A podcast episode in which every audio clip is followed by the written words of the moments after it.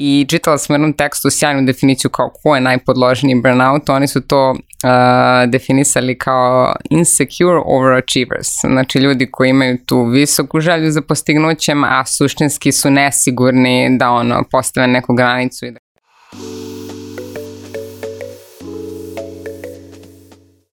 Ćao ljudi, dobrodošli u još jednu epizodu netokracijenog Office Talks podcasta. Pre nego što krenemo, preplatite se na naš YouTube kanal, klikne na zvonce kako biste dobili obaveštenje o novim epizodama. Takođe, naš podcast možete pratiti i putem audio platformi, linkovi su dole u opisu videa. A moja današnja gošća je Hana Ćelap, uh, People Operations Associate u kompaniji Centili i osoba koja se, da kažem, dugo ovako bavila temom burnouta, temom izgaranja na poslu. O tome danas pričamo. Hana, dobrodošla. Bolje vas našla, Ćao Marko. A, evo za početak i sad dok smo kao negde ovako vršili ovu pripremu ovaj, za, za današnju epizodu, malo sam a, malo sam daš kroz se zapitao kada sam ja prvi put čuo za, za kao termin burnout, za generalno pojam izgaranja, jer sam se setio ovaj, jednog fantastičnog, to je zapravo serijal dva teksta, ostavit ću link dole u opisu videa pa da mogu i naši slušalci i gledaoci da, da prosto ovaj pročitaju i to, ali mislim da je pre par godina na Before Afteru izašao ovaj jedan sjajan tekst, kažem opet serijal tekstova, zove se Pravo na lenjost, izgaranje na poslu kao nova dogma milenijalaca. Znam to, da. A, Pa sam negde sad za početak hteo da, da, da te pitam ovaj, kako to da se danas, on, ovih godina, toliko priča o tom burnoutu, o tom preteranom a, da kažem, preteranom, preteranom ostajanju na poslu, preteranom radu za, što za poslodavca, što za sebe. Kako smo negde ono usvojili tu kulturu? Da li je toga bilo pre a, ili nije? I na kraju dana, naš, ono, kao, čini mi se da možda danas više negde brinemo o mentalnom zdravlju nas samih i naših ljudi ono, sa kojima radimo, nego što je to pre bio slučaj. Pa evo, ajde odatle da krenemo posle gde nas, gde nas razgovor odvede. gde nas odvede.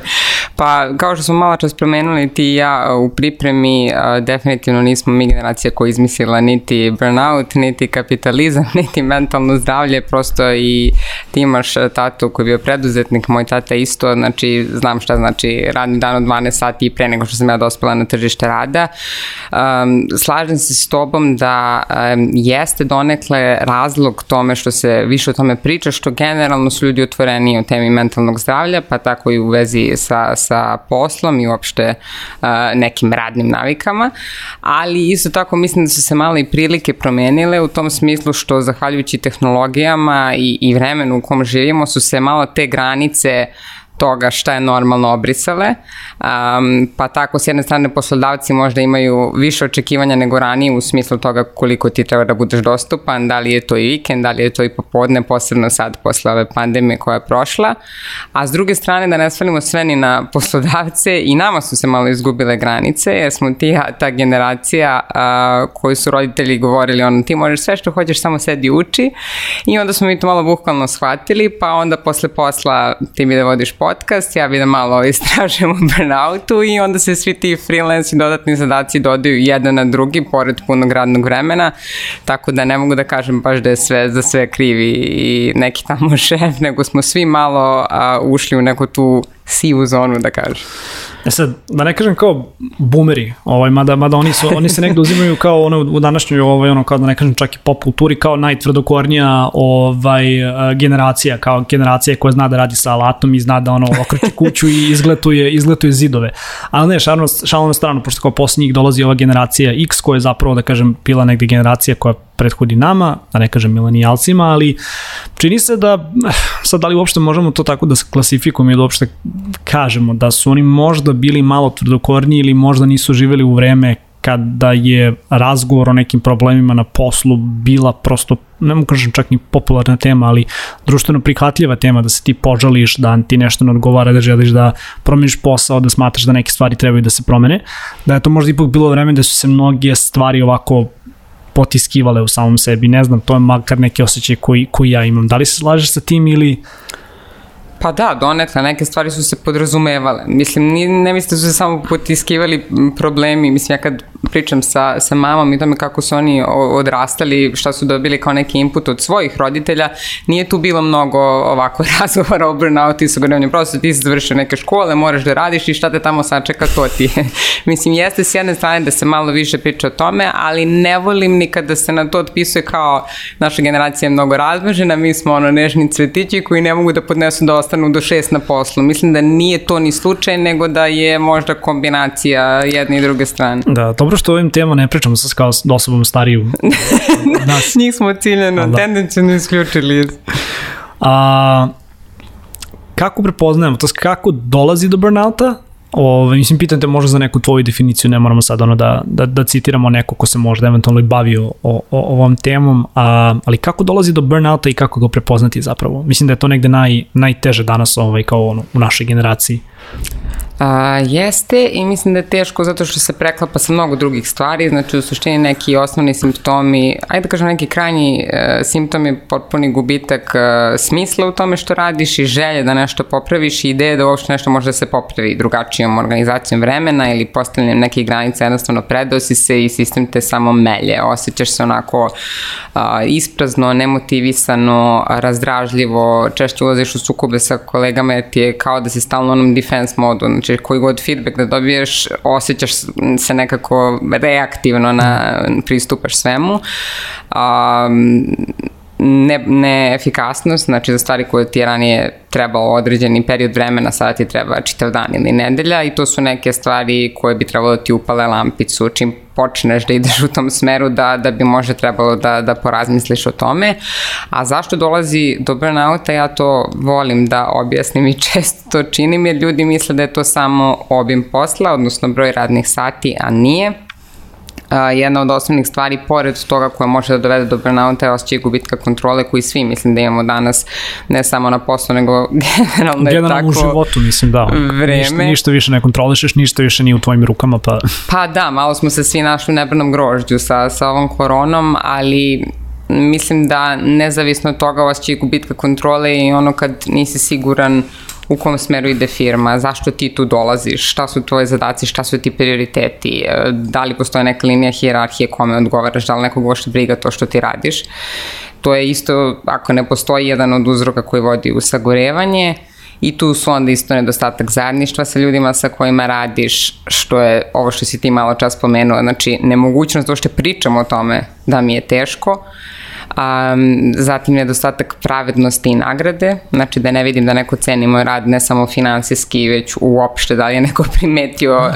neke treba, moje treba rezultate. Treba ti srebrno vremena onaj, onaj pat on the back, jel da? da, treba ti malo da neko prosto primeti da si tu i da se trudiš I to je to. Mislim da imaš jedan od uzroka što je konflikt vrednosti. Ako konstantno si primoran da radiš nešto što je tebi ono, nije u skladu sa onim šta ti, u šta ti veruješ, to isto može da dovede do burnout, bez obzira na to da li radiš dva sata dnevno ili 15. Da. A, ajde sad da probam, da, da te pitam, pa kao ne znam da li postoji negde odgovor na, na, na ovo pitanje, ali kaj, da, da li možda postoje negde različiti nivoji uh, eh, burnouta, da li neko ko je možda već prošao kroz jedan burnout uh, koji je možda malo stariji i iskusniji, a, će laganije neke stvari ili da predupredi ili može prosto sad ono kada je već prosto negde pomerio svoju granicu da lakše prođe kroz, kroz takve stvari. I da li se opet negde burnout e, možda u tim ekstremnim slučajima više događa kod mlađih osoba koje negde nemaju iskustva u tom nekom radnom okruženju, ne znaju pre svega kako da komuniciraju ili kako da preduprede neke ove ovaj, stvari na poslu, što jeste prosto normalna stvar, mislim kada si mlad moraš da prosto prođeš kroz neke stvari iskustveno da bi, da bi mogao danas sutra da, da znaš kako da se u tim situacijama postaviš.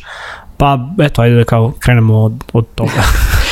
Sad sve se skoro je kolega proslavio 10 godina u firmi pa smo upravili mim kao posle 10 godina ti bude bolje. kao oguglaš prosto na sve što ti se dešava. Um, čekala redom, da li ima faza? Da, da li, eh, da li negde prosto imamo naš kao neke različite nivoje? Dobro, ja ti pitam više pitanja odjednom, izvini, ali aj, aj, ajde ne, da probamo da presječemo, ali kao, Nikakav... da li, da li postoji naš kao više nekih faza, mislim, ono, jel, jel pa kapiram pa i, da... Pa ima, mislim, ti to sve kad krene da ti se dešava, kad ti je previše, a nećeš to da kažeš, ajde da izgunem još ovaj projekat, još ovo, to je neki, ajde da da kažemo, početni stres, pa kad to duže vreme ignorišeš, onda to postane hroničan stres, pa onda to ulazi u burnout i na kraju ulaziš u hroničan uh, burnout i uh, mislim da ovo što si rekao nije baš skroz tačno, to, odnosno to je bilo pitanje, uh, da li ako nam se više puta to ponovi, lakše prođemo kroz to. E, donekle da, možda jasnije prepoznamo neke stvari koje nas trigeruju, e, bolje znamo sebe šta su nam granice, isto smo malo čas pomenuli, ja ne mogu više da radim sa 30 isto koliko sam mogla i sa 20 i da ne spavam celu noć da se da, bojim to je glavno što nas donja leđa bola. I da, malo sam se i razmazila, ali s druge strane to te sve troši i drugi, treći put, iako ti si svestan šta ti se dešava, to ne menja činjenicu da ti postaje sve teži i teže da ti jednostavno naročito ako nisi napravio dovoljno prostora između za neki odmor i za redefinisanje opšte svojih prioriteta i rasporeda, a, mislim da vremenom sa svakim sledećim to postaje teže. I nisu nisu mladi ljudi jedini uh, skloni tome njima je teže jer ne znaju sami svoje granice, ne znaju koliko mogu, pa uvek zagrizeš više nego što možda sažvaćeš, jeli?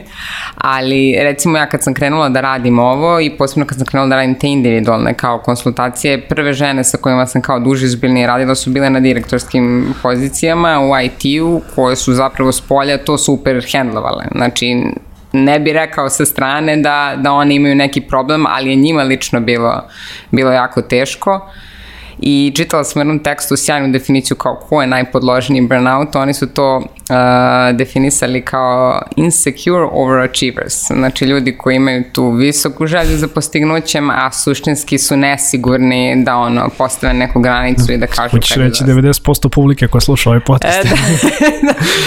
da. E, a ovaj, ajde, ajde sad ono da, da krenem da te probujem prosto sa, sa nekim pitanjima, ali rekla si kada si krenula da radiš te konsultacije, ovaj, da, da si ono, u startu zapravo uspeo da radiš sa, sa ženama koje jesu na tim nekim visokim i odgovornim pozicijama i kojima može čak i teško prosto da podele takve probleme, da li ono sa, sa svojim ukućanima, da li da kažem sa drugim ljudima ono unutar firmi, ili uglavnom, mislim ne kažu za džabe onu, onu, uh, ovaj, onu izreku kao it's lonely at the top. Mhm. Zaista nekada može da, da, da, da se tako čini. A, pa ako možeš malo više da, mi, da mi kažeš, naravno nećemo prosto ovaj, imenovati ono bilo kakve imena, ali kao koji, koji su bili neki problemi sa kojima su se, da kažem, takve, takve osobe na tim C-level pozicijama suočavale i kako su možda negde uspele prosto da, da prođu kroz, kroz te probleme u smislu da, da, da se na kraju dana rasterete i da prosto sagledaju iz drugog ugla neke stvari koje mogu da onda poboljšu u svom radu ove, da krenemo odatle. Pa da, ovo što si rekao i se negde odnosi možda na taj osjećaj odgovornosti koji često može da bude mnogo teži od samog operativnog posla. Znači, ljudi koji imaju odgovornost za svoj tim ili za celu kompaniju trpe neki pritisak koji uh, ti ako si preduzetnik, ti kad odeš kuće, ti to možda podeliš sa članovima porodice, ali neko ko ne prolazi kroz isto to sa tobom neće moći na adekvatan način da te sasluša, da razume to kroz šta prolaziš. Tako da ljudi koji su na tim pozicijama s jedne strane trpe pritisak možda od nekog borda gore, CEO-a, management ili šta god, s druge strane neće da taj pritisak e, šire dole, zato što mi je potrebno da se ljudi osjećaju sigurno kako bi mogli da rade kako treba i generalno jesu takvi ljudi da preuzimaju dosta odgovornosti na sebe, a da su s druge strane perfekcionisti, da hoće da svi budu zadovoljni, a da posao bude određen da, i to je onda jednostavno... Ne možeš svima udovoljiti, da. Previše stvari na, na, na jednom tanjiru, prosto da vidiš dokle ti možeš, a šta jednostavno šta su prioriteti koje ti moraš i niko drugi ne može da ih uradi da, da to bude završeno, a da ostalo malo ono, istrpiš i nešto što nije možda ispalo savršeno, nije bilo idealno, ali smo prošli, progurali. Da. Bome, bome kaos. Ovaj, a, ti dalje se zapravo baviš ovaj, tim konsultacijama, da ne kažem mentorstvom, jel da? Da, mada doziram, da.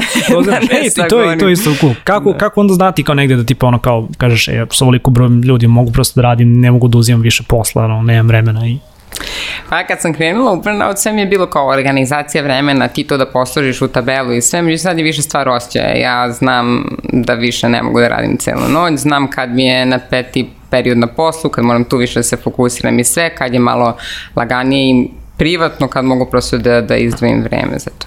Da svaka čast ako to da uspeš. Evo, meni, meni, meni posle 8 godina i dalje nekada ne polazi za rukom, ali bože moj, sve, pa, to, dobro, da, sve da, to stvar, da kažem, poslovnog odrastanja. Um, dotakli smo se već tog nekak, negde, da kažem, višeg menadžmenta koji, koji prosto nekada neke stvari ne želi da, da ovaj, spusti na, na svoje ljude, želi negde da prosto bude ta barijera.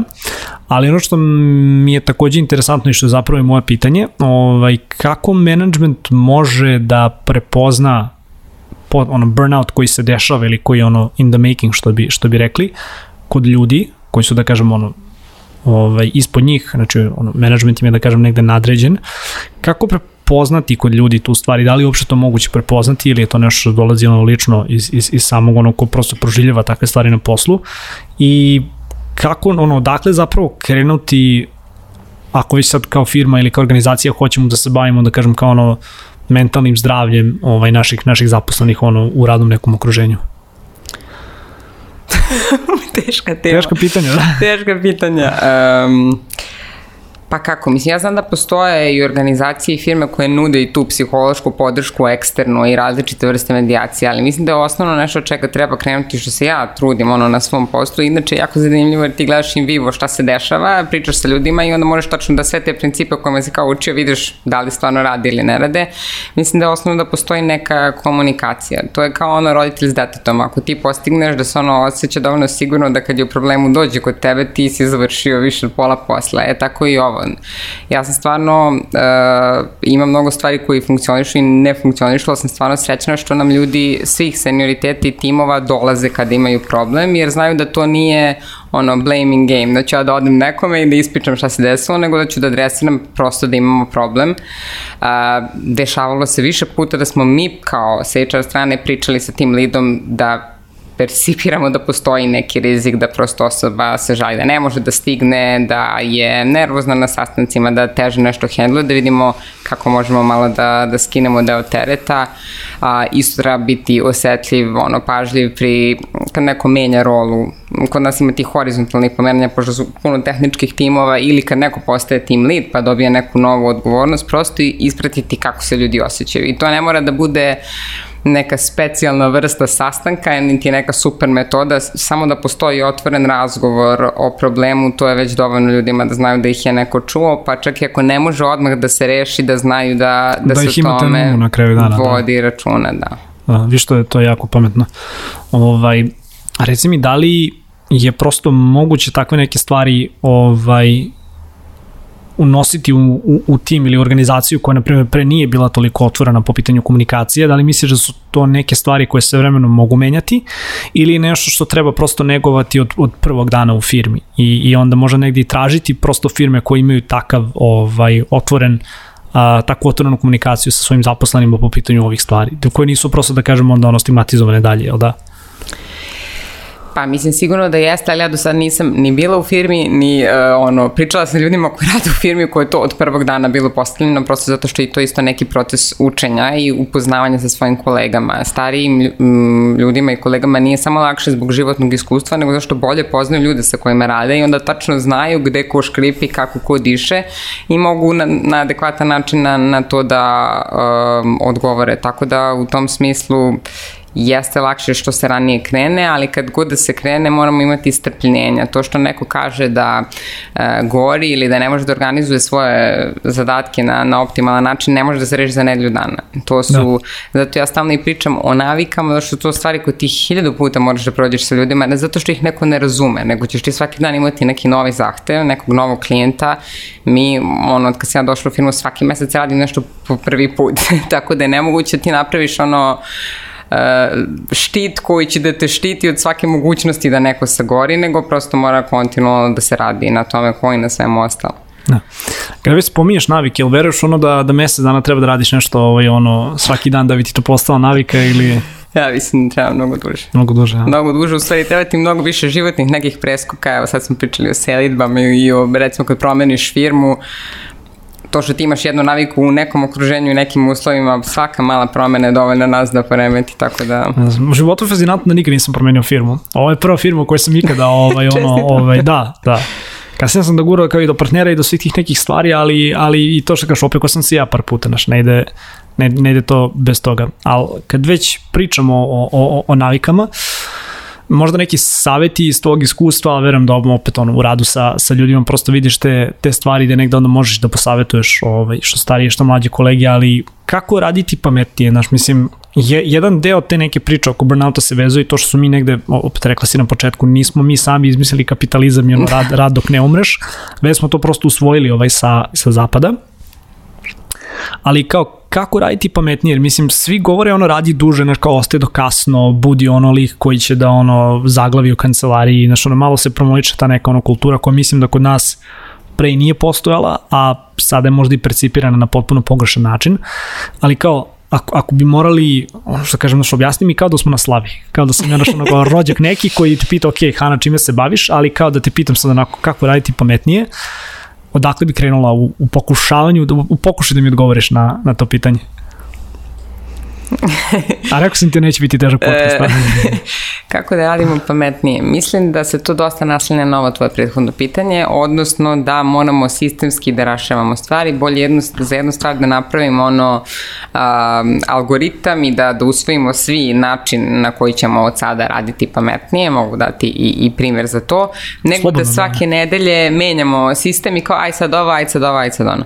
A, mi smo imali problem s organizacijom dev timova u, u firmi, Doveli smo Scrum Mastera, sve je popeglano onako po, po sprintovima, sve etikete se radi i tu je bilo otpora, ovo što sam je pitao. Znači, kad, je, kad treba da ono, u nedelju uveče isplaniram sve što ću raditi naredne nedelje, postoji jednostavno otpor, teško ti je i to ti oduzima vreme. Znači moraš biti spreman ako dugoročno um, hoćeš neke stvari da radiš dobro, da na početku moraš da uzreš neko vreme da bih isplanirao i organizovao i sad su posle par meseci sve ima ono porasla produktivnost 90%. Ja to gledam ko ono kad peremo sudove u, u kuhinji, Da li me smara da svaki put otprem šolicu posle kafe? Da, ali ako to ne uradim posle prve, druge, pete, treba će mi sat vremena da to završim i to ti je taj primjer. Znači, kratkoročno stalno laganje vremena u to da peglaš neke manje greške da ti se ne bi prosto nagomila pronalazim se u nekim mojim situacijama i kao malo me, malo me boli to što kažeš, ali da. U, to i meni, ja, ja sam razum, bila malo da. kompanijska. Potpuno, kao, ne, ne, mogu, ne mogu da legnem ovaj na spavanje dok naperem sudove. E, da. A, Ali, ali, ali zaista jeste tako, mislim, znaš, kao znam, znam i po, i po drugim nekim organizacijama koje su mi ovako bliske, ovaj, zbog, zbog da kažem, ono, familijarne, ovaj, te neke veze, ovaj, gde kao glavna stvar, ovaj, ono, kao što programeri mrze da rade, da popunjavaju timesheetove.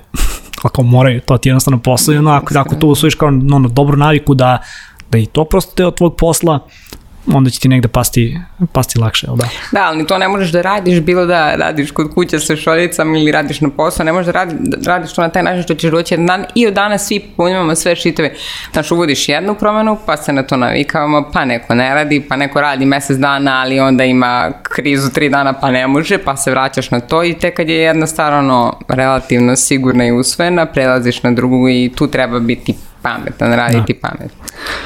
Još jedna tema koja je koja se negde nadovezuje na, na ovo o čemu danas pričamo, ali ovo, evo, baš pre neki dan video i u medijima, kao pominje se naš neke države ovaj, u Evropi i neke firme su ovaj, kao kod nas malo krenule da testiraju to kao četvoro dnevna, četvorodnevna radna nedelja, da, ili kao radna nedelja koja traje od četiri dana.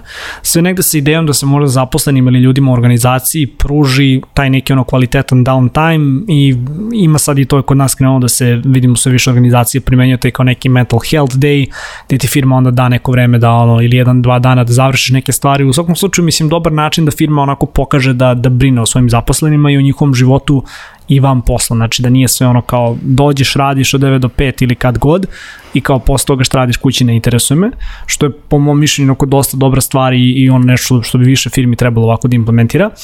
A, pitanje za tebe jeste kao koliko su te tehnike zapravo dobra stvar, a ne nužno negde samo kao ono marketing za firmu i koliko je firmama lako ili teško da se prilagode, da, ono, da prosto usvoje takve neke stvari. Jer kad smo videli da je došla korona, bilo je u početku ljudima teško da se negde naviknu, na ono, da firmama i menadžerima se zapravo naviknu na rad od kuće, ali posle su on, videli da i to na kraju dana radi, jel da? Pa da, mislim, imali su ovi momci iz Žiški 7 podcast na tu temu fleksibilnog radnog vremena i koliko to utiče na tim, ako ti nekome daš slobodu da radi samo 4 dana ili samo noću ili samo danju, malo sad ta fleksibilnost da utiče u agencij, i na produktivnost. U agencijskom poslu, da, u agencijskom poslu je malo zezno, jer tu uglavnom ljudi zovu ono posle radnog vremena. Ali... Pa, mislim, da, nije, nije to baš ni lakše reći nego, nego na, realizovati to kao svi imamo mental health date. Ja um, razumem i podržavam i mi se bavimo i tim employer brandingom, ali s druge strane tebi je mnogo bitnije da izgradiš kulturu u kome ja mogu da kažem svoje mentorke ja ne mogu danas da radim ili nisam ono daj mi neku operativu prosto nego š, da li ćemo mi to zvati mental health day koji ću ja posle morati da nadoknadim. Tako da čula sam i kod nas već pojavljuje se i to mi je drago jer mislim da treba da, da ispitamo prosto šta je moguće, ali nije isto da li neko radi četiri dana nedeljno 12 sati da bi taj petak uspeo kao da ode na planinu ili je to zaista, znaš, kad mi treba odmor i kad vidim da sam na ivici i da mogu nekome da se, da se obratim. Tako da tu treba biti ono između forme i, i da. suštine. Da. Če zapravo do, do, dobro, ovaj, dobro stvar koju si primetila. Jer mislim da bi negde naš ono, dobar deo naših poslodavaca prvo, ovoga četiri radna dana nedeljno može, ali kao svi radimo po 12 sata. da, kao sve mi jedno radi da. sve vreme, tako da. Ali je dobro, svakako je dobro da, da ima i da čujemo da, da može tako da funkcioniše greše pa da ispravamo i onda ono što radi u praksi da, da teramo dalje. Um, hajde ako smo već negde kao kod, kod tog downtime-a, ovaj, mislim, ja radim dosta u kreativnoj industriji i kao jedan od problema rada u kreativnoj industriji što većina stvari nije repetitivna. Neke stvari se ponavljaju, ali ti kada treba svaki put da izbunariš novi podcast, novi tekst, nešto novo što treba da bude unikatno samo po sebi, to zahteva jako puno moždanog nekog kapaciteta mm. i dosta zamara. I kao, čitao sam malo o tome, nije da sam se sad ono daleko edukovao ili kao ne znam ti nijakakva ono mišljenja usvajao na tu temu, ali od uvek mi bilo interesantno da su mi zapravo najbolje ideje dolazili ono za vreme dokolice, mm jel da? Kako ti gledaš na taj neki ono kvalitetan downtime da ljudi koji su u kreativnoj industriji ili koji na primjer jesu u IT-u kao gde ti radiš evo danas, ali prosto imaš tu neku komponentu da neke stvari moraju da budu nove, inovativne i da moraš prosto da ono imaš neko vreme kada ne razmišljaš o tim stvarima da bi ti sinula ta neka ideja, ta neka iskra koja će te dalje ovaj, motivisati ili da radiš ili, ili će ti da kažemo ono sparkovati neke nove stvari. Kako ti gledaš na taj kvalitetan downtime i kako bi on negde možda trebao da izgleda i zašto on, evo ako možemo i da pričamo o tome, na primjer, bitan za te neke poslove koji nisu nužno samo repetitivni? Uh, Mislim da imaš super poentu da su danas svi poslovi do nekle kreativni. Mislim, tu pričamo o tim kancelarijskim poslovima e, generalno. Da, kao što su i danas ono, ako nisu predzadnici, imaju ovaj predzadnički mindset. pa da, mislim, više niko od mojih prijatelja koji su završili ono, od psihologije do arhitekture ne radi posao gde ima jedan tip zadatka koji radi od 9 do 5 i to mu je to. Jednostavno, moraš da vodiš računa o mnogim, e, mnogim tu aspektima i stvarima i da pratiš tržište i da ideš u korak sa svim i neophodno je da imaš downtime koji nije samo ja ne radim, nego i ja nisam odgovoran, to je recimo da znam da dok sam na godišnjem odmoru, da će neko to da pokrije i da me neće zvati svaki dan, pa mislim, vidim kako ti je faca, imali smo svi te situacije da, gde si... kao trenutak, ovo trenutak kao u kome svi preduzetnici kao stopiraju i kao, čemu ovaj lepo priča. pa jeste, mislim, naravno... Što mislim, deset... Da samo po sebi loše, znaš, kao ne treba, realno ne treba tako da bude, nažalost. Moramo jeste, da. biti ono i realni, sad nemaš ti tim od 200 ljudi gde će svako da uzme jedan mali delić i da to zameni. Naravno da postoje neka situacija kada mora da se uključiš, ali prosto da budemo obazrivi jedni prema drugima i da ako zaista nije neophodno... Da unutar tima da imamo gori. svest o tome na kraju dana. Da. da. da. Jer taj downtime je ono i od stupanja i od posla, ali i od odgovornosti i od ljudi sa kojima radiš. Mislim, ja dnevno sa toliko zaposlenih pričam da ja kad dođem kući ja svoje ukućane prva dva sata ne vidim na čem jer jednostavno do, dođeš do neke granice da ti je potrebno da ti sam sa sobom to sve ispreradiš da bi sutra mogao iz početka. To mi je bilo, znaš kao kada smo mi krenuli da gradimo firmu ovde i sad znaš ono mislim nije to bilo sad ok želimo da postavimo ovakvu i onakvu kulturu uvek je to bila negde onako bratska, sestrinska ovaj, kultura kao na kraju dana ovo su ljudi s kojima provodiš toliko mnogo vremena ovaj, ono, svaki dan ti bukvalno postanu kao druga porodica. Ali se shvati shvatio da, znaš, ono, i sa firmom treba biti uh, pažljiv, jer kao ne, ne možeš sad da insistiraš stalno da ljudi idu ono na, na piće posle posla, negde, znaš, ono, moraš da ih tretiraš kao, kao brata od tetke, znaš, ono, da se vidimo jednom u šest meseci pa da nam bude super, da, ali, ovaj, i, ima i, nažalost, tih nekih onako malo nezdravih kultura pogotovo ovde ono kao po Srbiji, gde ti firma postane ne nužno druga, nego prva porodica i onda prosto kada kombinuješ i privatno i, i, i poslovno ume da bude jako problematično i smatram ja negde da je potrebno ipak razdvojiti te dve stvari, pa evo, da čujem i tvoje mišljenje, mada jesi negde potvrdila kroz, kroz što si malo čas rekla. Pa jeste, ali mi smo ljudi, ja stvarno imam prijatelji na poslu i kad to treba razdvojiti i treba dozirati, nije neka veštačka linija da ja sad kažem ja sam u šest zatvorila i nema da mi se neko obratio, naravno da se čujem sa kolegama i posle posla, naravno da ćemo nekad otići na piće. Meni je ono način da proveriš koliko je to toksično ili loše jeste šta se dešava ako ja ne mogu. Ako ja kažem ne mogu danas na piće. ako tu imaš probleme, onda to ide već u, u, u nešto, neku štetnu kulturu. Ako se mi družimo posle posle, ja kažem ja nemam snage da vas gledam više danas i nemamo problem, onda je to, onda je to okej. Okay. Prosto im biti iskren s ljudima, ne ići negde samo da bi dokazao da smo mi porodica, jer i od porodice ti neka treba pauza, jel? Ja. Možda sad treba ubaciti ovaj, ovu muziku, ovaj, to će vratno montaže ovaj, iz, uh, iz tu, tu Fast and Furious, ovaj, Family, jel da? Ne, ali, ali u potpuno se slažem s tobom, nemam, nemam, nemam ovde iskreno šta ni, šta ni dalje da te pitam, ali bih se vratio možda na, na još jednu stvar, pre nego što pređemo na, na jedno dosta triki pitanje. A, a pomenula si malo nešto kao taj značaj ovaj, priznanje unutar tima i kompanije. Kao s jedne strane, a, i kada generalno govorimo o employer brandingu i o nekim vrednostima na kojima firme trebaju da počivaju i ovo je, kažem, znaš ono, film, ljudima uglavnom nije bitno da li imaju baze na poslu ili nemaju, znači žele da rade na strava projektima koji su zapravo impactful, znači koji mogu da ostave negde ovaj ono uticaj na nekoga, ono globalno, uh, žele naravno da rade ono za, za dobru platu i žele prosto ovaj da se osjećaju ovaj da su ono na kraju dana nagrađeni i da naš imaju mogućnost da se dalje razvijaju i da, i da profesionalno ovaj rastu u, u toj organizaciji. Kako pod jedan negde uspostaviti taj kao ono a, sistem a, gde ljudima možeš da, da pod jedan ono kao pokažeš da, da su zaista cenjeni i da ovaj, ono, im negde odaš priznanje za to što rade i kako to na kraju dana evo radite vi u, vi u Centiliju, to je ono što me, što me zanima. Um, Pa verovatno ima milion načina, nismo sve stigli ni da isprobamo. Počeli smo od toga da na tom našem internom portalu koji imamo objavljamo vesti o dobrim stvarima koje su se desile i to je isto zanimljivo kad smo tek uh, krenuli, ljudi su smatrali da samo neki ono, ako potpišem milionski ugovor, to je vredno toga da izađe tu. I onda smo imali, ne, dovoljno da ono napraviš neku proceduru, da ti je došla nova osoba u tim, da ste napravili nešto čim, zbog čega je vama lakše nego što vam je bilo pre i onda su se malo oslobodili, krenuli da, da sami hvale jedni i druge i da prosto to je isto jedna od stvari koje koje su u vezi s ovim uzrocima burnouta. Znači, da bi ti imao osjećaj kontrole, da bi imao osjećaj da, tog zajedništva i da znaš šta se dešava, tebi nije bitno samo šta radiš ti i tvoj tim i tvoj direktno nadređeni, nego prosto viš u kom pravcu ide firma, šta rade drugi, možda ti zbog toga bude jasnije zašto nailazite Ma, da, na neke... Na kraju dana ti ubiraš i pobede ljudi iz drugih ono timova koji rade u tvojoj firmi. Tako je, znači mi smo svi igramo za isti tim i treba takve stvari da se znaju i male i velike naravno. Um, jednom nedeljno pustimo taj kao Friday Wins gde, gde gde javimo šta je ko dobro uradio. imali smo ove godine prvi put, to je nakon toga što si rekao forsiranje ljudi da idu na team building i ostalo. Odabrali smo kao petoro all-star zaposlenih, znači koji su na osnovu feedbacka svih drugih a, bili izglasani ne samo kao mm, dobri zaposleni, ono kao cool kolege, nego da su stvarno bili od pomoći, da su uletali kad treba, da imaju razumevanja za druge, da su prosto podigli celu igru na neki više nivo i oni su dobili nagradno putovanje da sami biraju kad idu, gde idu i da to bude finansirano a, od strane firme.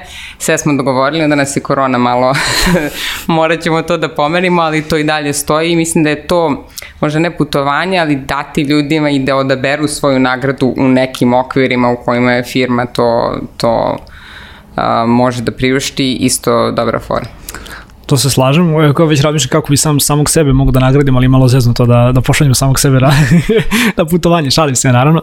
Ali što je dobra stvar što kao znam da su isto neke filme, firme ovaj, implementirale ovde kod nas, ovaj, ako već kao dajemo neke ono savete, ali da diskutujemo o tim stvarima, jeste da je na primjer budžet za neke stvari ono svaki mesec ili svaki par meseci koja firma daje timovima i onda da kao sami članovi tima unutar toga mogu da biraju kako žele to da to da ovaj da da potroše da li žele te nova da doniraju, da li žele da odu na neku edukaciju, da ili da žele nešto da rade, što mislim opet ono se negde manje više vezuje uz to što si rekla, da kada ljudima daš mogućnost ili ono da, da, da, da dobiju te neki ono self-achievement, da dobiju to neko samopriznanje, da je to na kraju dana dobra stvar ovaj za, za čitavu firmu, ali da? Pa jeste, kako nije, mislim, i to mogu da budu, evo sad sam se setila još jednog primjera baš sitnog kad sam sedim u biblioteci, mi svakog meseca kao kupujemo knjige za našu biblioteku i to svaki put budu knjige koje su ljudi, ljudi sami birali, koje su suštinski neka vrsta i edukacije, znači treba ti prosto za posao da naučiš spring ili da naučiš kako da budeš lider ili šta god, ljudi su stvarno toliko zahvalni i srećni što mogu sami, sam da naruči, da mi to stigne na sto, da mogu to da, da prođem posle sa nekim, jednostavno ne, možda ne samo ni dati budžet, nego dati ono i podršku, učiniti nešto sitno za nekog što može da mu, da mu znači da, eto, hoćeš da ga podržiš na tom njegovom. Hashtag male stvari. Male stvari, da. da. Dobro, to, to sve zvuči dosta, dosta cool, e, ali hteo sam malo da popričam i sa tobom ili da probamo makar da, da, da, da, da ishitujemo tu ovaj, ono kao hustle kulturu. Mislim, pričali smo već u više epizoda ovde u podcastu sad da ne ispane kao da, da, da, da ja imam problem s tim da ja ne želim da radim mnogo. Smatram da želim da radim pametnije. Smatram da ne želim da radim tipa po 15 sati dnevno, kao što rade neki ljudi, neki naši zajednički prijatelji koje nećemo imenovati ali ovim, ovim putem, ali ih pozdravljamo, naravno. A, zašto danas, mi se makar čini, da se ta stvar toliko glorifikuje, da li je to samo buka na nekim društvenim mrežama, pošto su sada svi neki samo proklamovani guru i svi sada imaju neki svoj kurs na LinkedInu i svi veličaju to kao ja ću ti pomoći da ne znam napraviš ovaj onaj biznis, da postaneš finansijski nezavistan. Zašto to danas toliko veličamo ili je to prosto samo ona industrija koja obreće neki novac sama za sebe i koje su posledice toga što kao sve više mladih ljudi a, želi više da se istima, a zapravo ni ne, ne kapira suštinu negde posle i suštinu ono poslovanja i, i, i ono, kao njihovog prisustva na ovoj planeti da nije samo da rade, nego da mogu da rade druge neke stvari u životu. Kako ti gledaš ili hejtuješ tu hustle kulturu? hejtujem. Strava. Bacam hejt na. Završavaj podcast, to je sve. Um, Ne znam šta da ti kažem, ja negde imam teoriju da ljudi koji mnogo pričaju nije uvek ni da rade baš toliko koliko pričaju, nebitno da li smo to formulisali kao hasler ili jednostavno imaš nekog ko je najglasniji u kolektivu, ali ti uvek kasnije sa onim što treba da bude gotovo. A, mislim da je mladim ljudima teže nego starijima da procene šta je, šta je stvarno prioritet i šta mora da bude određeno, a šta je samo deo tog hasla da mi prosto nestajemo. I tu isto važi kao i za ovaj odnos prema team buildingu. Um, mi smo sad ono u koroni bili svi zatvoreni radimo od kući. Meni je potpuno u redu da neko ko ima malo dete, koje mora da vodi u vrtić i da radi kod kuće, da šalje mailove u 10 uveče. Sve dok ja nisam kažnjena za to što ću na njih odgovoriti tek u 9. Ujutro, tako je. Da. Pričemu pod kažnjena ne mislim samo bukvalno dobit ću otkaz ili nešto, nego na bilo koji način da mi to bude, bude, da bude da. zamereno. Znači, ako ja zaista eh, dajem se od sebe i spremna sam da priznam i ispravim grešku kad je napravim, ako završam svoje obaveze na vreme, znači mi imamo ono mesečne, nedeljne ciljeve, ja tačno znam u svakom trenutku kakve to veze ima sa generalnom nekom idejom firme. Ako ja svoj deo, deo radim, mislim da Mene niko ne pita kad ja dolazim na posao ili kad ja izlazim sa posla. Tako da s te strane taj hasl radi hasla i da smo mi non stop zajedno i da non stop radimo eh, treba malo preispitati i proveriti i e, mislim da mlađi ljudi češće upadnu u tu zamku to je u prijateljima kad Rachel se druži sa šeficom samo zato što je počela da puši. Sećam se epizode, da. Da prosto vidiš da li je tebi neophodno zaista da, da ispratiš taj, taj ritam ili te zaista niko neće dirati sankcionirati ako to ne radiš. Da. Dosta, dosta pomenih stvari rečeno, moram, moram da ti, da ti priznam. Ovaj, mislim, ja, ja sam negdje klasifikovao kao i tu na hustle kulturu kao nova droga, znaš kao, ovaj, što mi apsolutno za neke stvari prosto nema smisla. Ovaj, ali da možda ono kao ne ulazimo sad u, u totalni hejt. I još nešto sam htio da te pitam samo da se setim šta tačno. Ovaj, uf, kao... Pa da, ti legneš da. tačno na to, jer ako si ambiciozan, ako hoćeš da učiš, meni je i to bilo, znaš, tebi se svaki tu, ajde još ovaj projekat, ajde još ovog klijenta, super ćeš kao, m, proširit ćeš svoje vidike, napredovat ćeš ovo ono, ali ti ne možeš konstantno da budeš u fazi širenja svojih vidika, treba ti s na vreme taj plato gde ćeš da staneš i da ono, da ti se svi utisci sumiraju to, pa da odatle s tim novim znanjem znanjem ideš, tako da prosto treba dozirati postoji, slažem se. ovaj, ono što sam zapravo htio da te pitam, sad da se setio, jeste, ovaj, znaš, kao, go, govori se dosta i o tome kao kako da negde negujemo, negujemo taj kao preduzetnički duh unutar firme, ovaj, gde onda našano takve neke stvari kod ljudi koji ono, zaista jesu gladni ono, uspeha i žele dodatno da grizu, ali kao treba im negde ono postaviti granicu. Koliko jer, na primjer, evo, kao u vašim redu, redu ima ono moguće da, da kao zaposleni pokažu inicijativu i zašto je to čak i u velikim, ono, da kažem, organizacijama zapravo dobra stvar, ali opet u nekoj ono granici normale, jel da? Da, i tu treba odvojiti ono e, radno vreme na nečemu i odgovornost za nešto. Meni je to jedna od stvari koja se stvarno najviše dopada u Centiliju, znači od momenta kad sam ja došla, um, sa mentorkom sam podelila posao, neke stvari sam rekla da bi ovo totalno drugačije radila od onoga kako si ga ti do sada, ok. Znači ako si ti sad za to dalje odgovorna, cepe, ako ti trebamo pomoć, e, javi se i to je prosto to.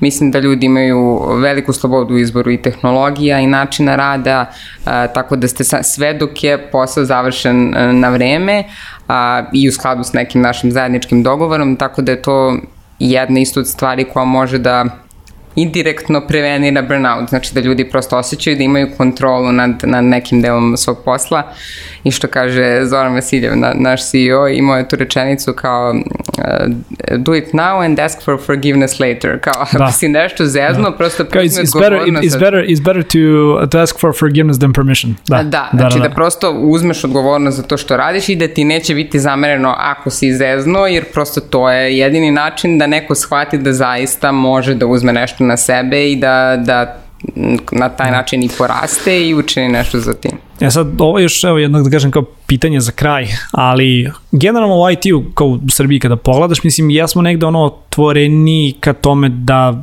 se greške, ne mogu sad da kažem prašti, ali u smislu niko ti sad ono, neš kao za većinu stvari niješ dobiti otkaz, ono, ako zaista kažeš, ok, mislio sam da ovo treba drugačije, uradio sam to na svoj negde ruku, priznao sam grešku, uglavnom su da kažem ljudi dosta tolerantni po pitanju tih stvari, što i treba da bude kao sve to negde stvar ovaj učenja. Drugi industrije možda nisu takve, a koliko je zašto na kraju da pametno, ovaj, kad nadam se da ovo slušaju prosto i ljudi koji negde nisu, nisu ono IT-u, pa zato te pitam ovo pitanje, ali kao, koliko je možda zdravije za samu osobu, ali i za menadžment te firme, da se u, ono polako uvodi u druge neke poslove ta industrija da se neke stvari ipak mogu prašati i da je ono potrebno raditi na njima kako bi se ispravila, a ne samo nekim ono kaznama i ukorima pokušavati da da ispraviš krivu drinu, da se eto tako izrazim. Pa to vrlo može da se lako izmeri kakav to efekat ima i na, i na produktivnost i na fluktuaciju zaposlenih i u krajnjoj liniji na sam taj mehanizam sagorevanja. A, zašto je bitno? Bitno zato što će se greške svakako dešavati, sad je samo pitanje da li ti hoćeš da ih neko krije od tebe i da pokušava da se snađe da, negde da, da ih pod tepih ovaj, ono ili da bacuje. Da, da, da si ti prosto svestan da negde vagujemo, da postoji neki problem na čemu mora da se radi, ukoliko se to ponavlja da moramo sistemski ne nešto, nešto da menjamo. I pominjali smo sad ti ja pre nego što smo krenuli um, orgnostik, uh, baš tu ima, ima nekih analitika koje možeš da, da, da um, prateći svoje zaposlene, da iz njih dobiješ jako zanimljive rezultate, recimo ljudi koji a, često uzimaju, ne znam, slobodan dan, ali vidiš da uzimaju jedan dan, pa dva dana, pa jedan dan, znači ne uzmu bolovanje kad su bolesni, to tačno možeš da ispratiš kako se prevodi u eventually neki potencijalno burnout. Isto tako to čutanje o greškama kako može da vodi u recimo zatvaranje jednog tima, da nema komunikaciju sa drugima jer su prosto stalno se osjećaju kao da ih neko procenjuje, kao da su na nekom testu, ljudi ne mogu da, da rade na taj način. Koliko god e, se trudili, jednostavno pojedete to na kraju i, i, ne možeš ne da daš najbolje od sebe, nego ne možeš uopšte da radiš neke stvari koje su možda i operativne, ako si stalno u nekom strahu da ćeš za to biti kažnjen. E sad sam svesna da, da nemaju baš sve industrije možda ni uslove, ni, ni uh, prilike kao IT, ali prosto način na koji se ophodimo jedni prema drugima nema veze sa, sa industrijom i da. postoje da. mnogo pre IT-aca. Ajde, znaš šta, sad si mi, sad si mi ovaj, potvrdila da, da je u HR-u i u tvom poslu zapravo ovaj, podaci su sve. Jeste, da. da. Nije to samo ćaskanje sa zaposlenima, dosta toga može da se izbroji, i izmeri i danas i kod nas, ne mislim samo na Centilio, nego ošte generalno na našem tržištu, um, tako da, da je. Ako ništa, drago mi da smo u ovom epizodu makar ovaj, konačno definisali za, za ljude koji rade u tehničkom ovaj departmanu, pošto često ljudi ne znaju kao čime se zapravo HR bavi i ono čime, da kažem šta je vaš posao i koja je vaša uloga u firmi, nadam se da će im posle ove epizode biti, ako ništa, jasnije. Ja se nadam isto. Hana, hvala ti puno što si bila na naša gošća. Ovaj nadam se da ćemo o ovoj temi ono imati prilike još možda neki put ovaj da da popričamo, ovaj u ovom podkastu da na, na da ne kažem možda drugim nekim ovim ovaj, forumima. Tako da hvala ti još jednom što si bila naša gošća. Okay. Dragi slušaoci i gledaoci, stvari o kojima smo pričali u ovom podkastu biće linkovane naravno u opisu. A, još jednom kratak podsjetnik, a, preplatite se na naš YouTube kanal, kliknite na zvonce kako biste dobili obaveštenje o najnovijim epizodama. Takođe Office Talks možete pratiti i na audio platformama, linkovi su dole u opisu, toliko od nas dvoje za danas. Vidimo se naredne nedelje. Ćao!